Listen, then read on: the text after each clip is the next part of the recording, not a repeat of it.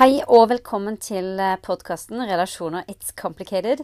Vi holder på å ta for oss eh, parforhold, og i dag så er tema konflikt. Når full match blir full krasj, er det likevel håp. Sist gang så snakka jeg litt om eh, kommunikasjon, og jeg vil bare ta opp et par ting derfor først. Fordi kommunikasjon og konfliktløsning henger veldig tett sammen.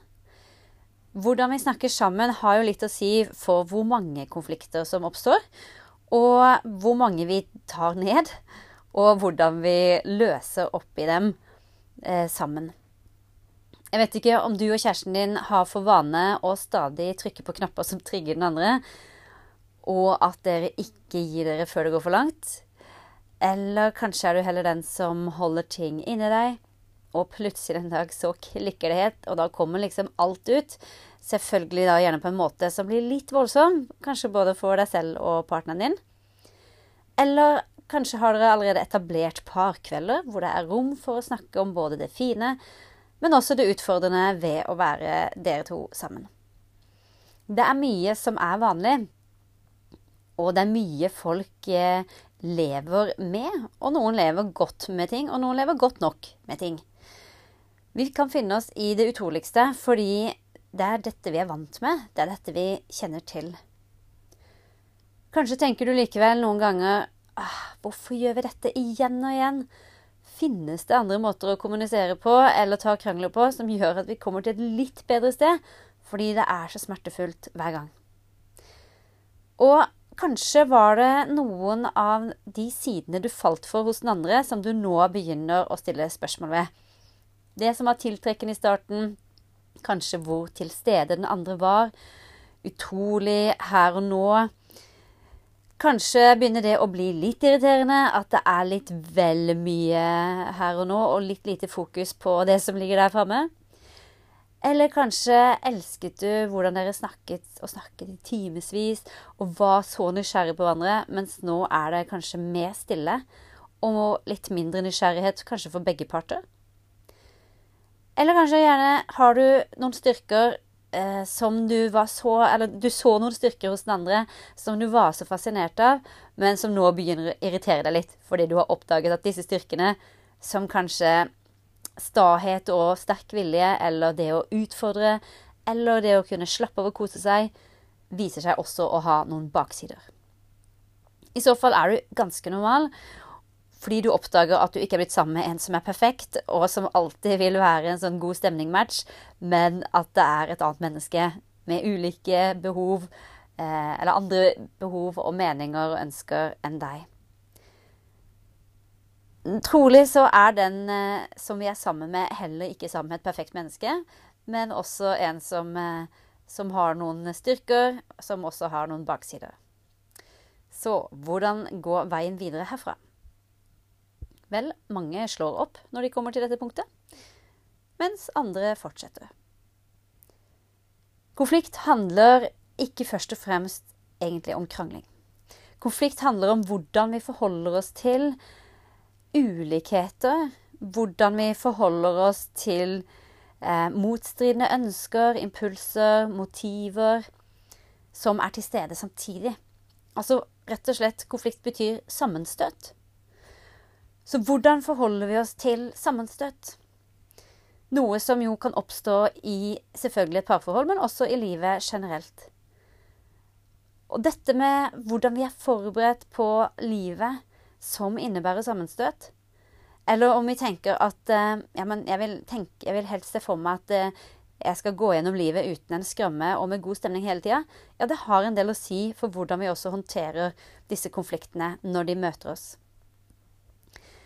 Og igjen så må vi litt tilbake til opphavet for at du skal forstå litt hvordan du selv fungerer. Hvor mye rom var det for egne meninger da du vokste opp? Var det rom for uenigheter?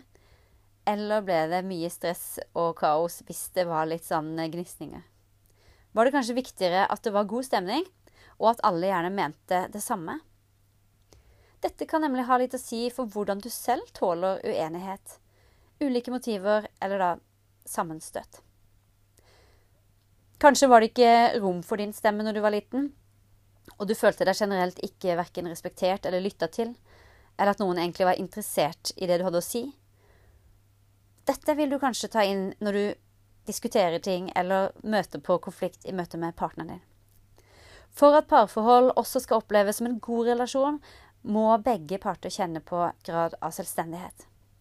Det betyr ikke at vi vil få vilja hele tida, men at det er rom for ulike synspunkt, erfaringer, meninger og behov. Og at man ikke må være lik eller mene det samme som den andre for å kjenne seg akseptert eller være likt.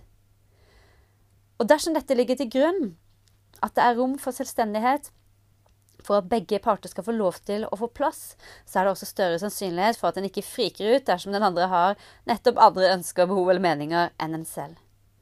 Likevel så er det ofte her det starter, de aller første konfliktene, og iblant de første kranglene. En idé kan være at dere på et tidspunkt når det er litt fredsstemning, snakker sammen hvilke forhold har du til konflikt? Er du den som tar i de vanskelige sakene på jobben? Er du den som tar tak i ting når du ser ting skje i din egen familie? Var du fredsmekleren hjemme? Eller var du den som stakk ut og venta til det liksom hadde landa litt, og så kom du tilbake igjen? Bruker du kanskje å vente da til ting går over av seg selv? Og på hvilken måte kan det være bra iblant? Å vente til det bare går over? Og på hvilken måte kan det være bra å faktisk ta tak i ting? Og i så fall, har du noen gode erfaringer med hvordan det ble tatt tak i, som gjorde at det var ganske OK å se hverandre inn i øynene etterpå? Hvordan kan dere lage gode rammer eller rom for å ta opp ting? For dette krever jo gjerne iblant begges eh, ikke bare oppmerksomhet, men også tid og fokus. Kanskje passer det ikke å ta det på de dagene hvor du er kjempesliten og nesten ikke har sovet og du har ikke spist på mange timer. Kanskje skal man avtale et tidspunkt hvor begge er litt klar? Kanskje blir man enig om at vet du hva, vi snakker litt grundig om dette til helga. Eller vi går oss en tur. Eh, kanskje skal det ikke tas på sengekanten eller rett før du skal på jobb. For det har også noe å si for hvordan det faktisk blir å snakke sammen. Og så er det selve krangelen, da. Det er jo et kapittel for seg selv. Er du den som er veldig høylytt, som skriker og roper, er du den som sutrer, kanskje, eller gråter lett? Stikker du av? Eller bruker du kanskje stygge ord eller kallenavn om den andre? Eller er du den som ofte ender opp med å ta all skyld på deg, og liksom er offeret for alt, uansett om denne krangelen i utgangspunktet handler om deg eller ikke? Dette er også ting man kan snakke om, men gjerne ikke akkurat når det står på, men heller i den rolige fredstiden. Hva betyr det f.eks. at du ofte tar til tårene? Kanskje du er den typen som tar til tårer veldig fort? Kanskje betyr ikke alltid at du er lei deg, eller at du trenger trøst, som den andre tror iblant? Kanskje du er den som tar til tårer når ting er viktig for deg? Når du er redd for å miste den andre? Eller når du er usikker på om du vil få kjeft? Og hvis du er den typen som blir veldig fort sint, hva handler det om? Det viser seg at sinne ofte er knytta til tre ting. Enten en følelse av å ikke mestre, ikke få det til. Eller en frykt for at den andre ikke egentlig er glad igjen. Frykt for ikke å bli likt. Eller en følelse av å ikke bli respektert. Begge er som regel sårbare i krangler. Fordi begge ønsker å få plass men samtidig er redd for å miste relasjonen til den andre. Og Det er derfor dette er så skummelt og sårbart og vanskelig å ta tak i. Fordi vi er liksom på randen når vi er i disse situasjonene, mange av oss. Men når vi blir klar over dette, og kanskje kan våge å sette litt ord på dette utenfor kranglesituasjonene, kan det endre mye. For når vi hører ting som at Vet du hva, greia er at jeg kjenner meg bare så usikker. Og så har jeg så lyst til å få det til, og så føler jeg får det ikke så til. Eller kanskje at en sier 'jeg har så mange opplevelser jeg ikke blir hørt som liten', at jeg blir kjempesint når jeg ikke får snakke ferdig. Det er liksom det verste jeg kan oppleve. For da bare føler jeg at det ikke er viktig. Eller hvis en sier 'vet du hva, jeg blir så fort lei meg fordi du betyr så enormt mye for meg'. Og jeg er så redd for å miste det. Det er det det handler om ja, da skjer det gjerne noe med oss. Vi gjør oss sårbare, Og vi viser hva som egentlig ligger bak de voldsomme følelsene. Vi er ikke kjempesinte nødvendigvis fordi at den skoen sto der og ikke der. Vi er ikke kjempelei oss fordi at ikke vi dro på hytta når vi hadde tenkt. Men det handler også om andre ting. Og når vi blir kjent med disse sidene ved oss sjøl og ved den andre, ja, da får vi gjerne lyst til å omfavne den andre. Vi får lyst til å lytte mer oppriktig og gi rom. Og det er lettere å legge til side det som egentlig var viktig for oss, for oss også. Og er det noe vi kan gjøre for at vi skal krangle bedre eller løse konflikter bedre, så er det å jobbe for forståelse av oss selv og den andre.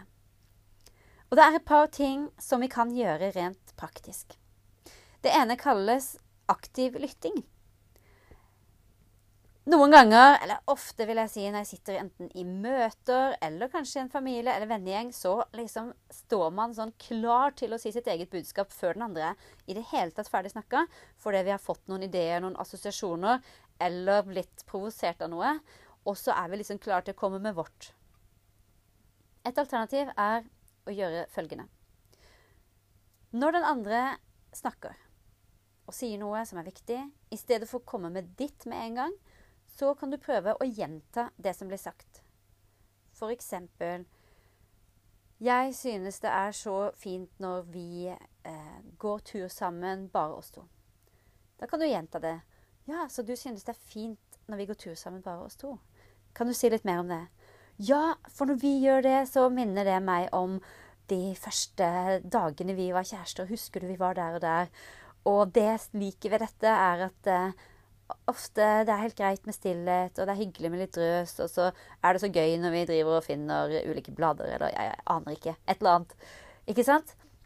Og i stedet for at du da skal komme med hva du liker i stedet, eller hva du heller vil, så kan du fortsette å være aktivt lyttende.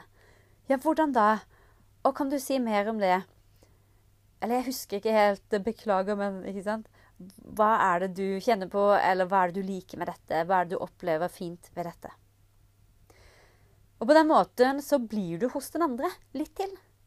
Du blir hos den andre, og du lytter deg inn på den andre. Du er nysgjerrig på den andre. Og det gjør at den andre føler seg viktig, og det gjør at den andre føler seg respektert, og kanskje også likt. Fordi du blir der litt. Men så går det an å si noe om deg, eller be om den andres oppmerksomhet til deg. Og si noe om Kan jeg si litt om hvordan jeg opplever dette litt annerledes? Eller hvordan jeg tenker rundt dette? Og da inviterer du den andre til å ha fokus hos deg. Og på den måten så både gir du litt tid til den andre, men også ber om at den andre nå skal flytte litt fokus til deg. Og begge får plass. Og så går det altså an når man står i situasjoner å gjøre noe som eh, kalles metakommunikasjon. Man snakker om hvordan man snakker sammen. For noen ganger så kan jo på en måte heten komme over oss, og det blir litt voldsomt igjen. Og det går an å be om en pause. Det går an å si at vet du hva, denne her samtalen tok enormt mye lengre tid enn jeg har sett for meg. Kan vi ta og spise litt først, og prate mer etterpå? Eller som en sa til meg en dag Du Guri, jeg er så sliten at jeg tror at hvis vi skal snakke mer sammen nå, så kommer jeg til å si ting jeg angrer på. Og jeg som var litt sånn Ja, men vi må løse det med en gang. Jeg måtte legge det vekk og godta at hun trengte tid til å bli litt klar til den samtalen. Vi venta til dagen etterpå, og det ble en helt annen type samtale enn det jeg tror det hadde vært hvis vi skulle tatt det når hun egentlig ikke orka eller var klar, eh, trengte mat og søvn først. For mat og søvn har stor innvirkning på fokuset vårt. Og det kan også være at dersom sinnet stiger, eller beskyldningene begynner å komme, at en skal få lov til eller at en i fredstid blir enige om f.eks. et kodeord. At man skal si stol eller banan eller epleskrott, et eller annet. Og da skal man stoppe opp. Da skal man puste litt. Kanskje man blir enig om å gå en tur. Eller skrive ned hva en tenker på, og dele det etterpå. Framfor å bare kjøre på når man egentlig har gått litt sånn ut av det vinduet hvor man er til stede. Dette har litt å si for fortsettelsen at man opplever at den andre er nysgjerrig på en, at den gir det rommet, og at den opplever både å kunne da gi den nysgjerrigheten og få den. Og Det kan også være da at eh, fordi man har hatt disse samtalene og blitt klar over at begge eh, er faktisk glad i hverandre, og begge synes at dette er vanskelig pga. kanskje ulike ting en har opplevd før, vil også møte utsagn som hvor, hvor i all verden er du så dust at du tenker så kort? Er du født i går? At man møter sånne utsagn litt annerledes. At man enten velger å liksom OK, eh, jeg prøver å ta bort dette 'født i går' og dust, og så prøver jeg å spørre eh, hva mener du egentlig? Hva var det du syns jeg hadde glemt å tenke på? Ikke sant? Man må ikke alltid kom kommentere alt som blir sagt innimellom, men det går an å tenke at OK, jeg vet at vedkommende i utgangspunktet er glad i meg. Her glapp det litt på kommunikasjonen. Vi prøver å legge det vekk, og så prøver vi å få fokus på hva dette egentlig handler om. Jeg bruker ofte å si til folk som kommer til meg i terapi eller veiledning, at det er vanskelig å forandre på andre, men når du gjør noe nytt eller annerledes, da skjer det ofte noe med de rundt deg. Og de responderer kanskje da annerledes enn vanlig. La oss si at dere har den samtalen om de følelsene som oftest dukker opp når dere krangler. Om sinnet, om tårene eller om stillheten.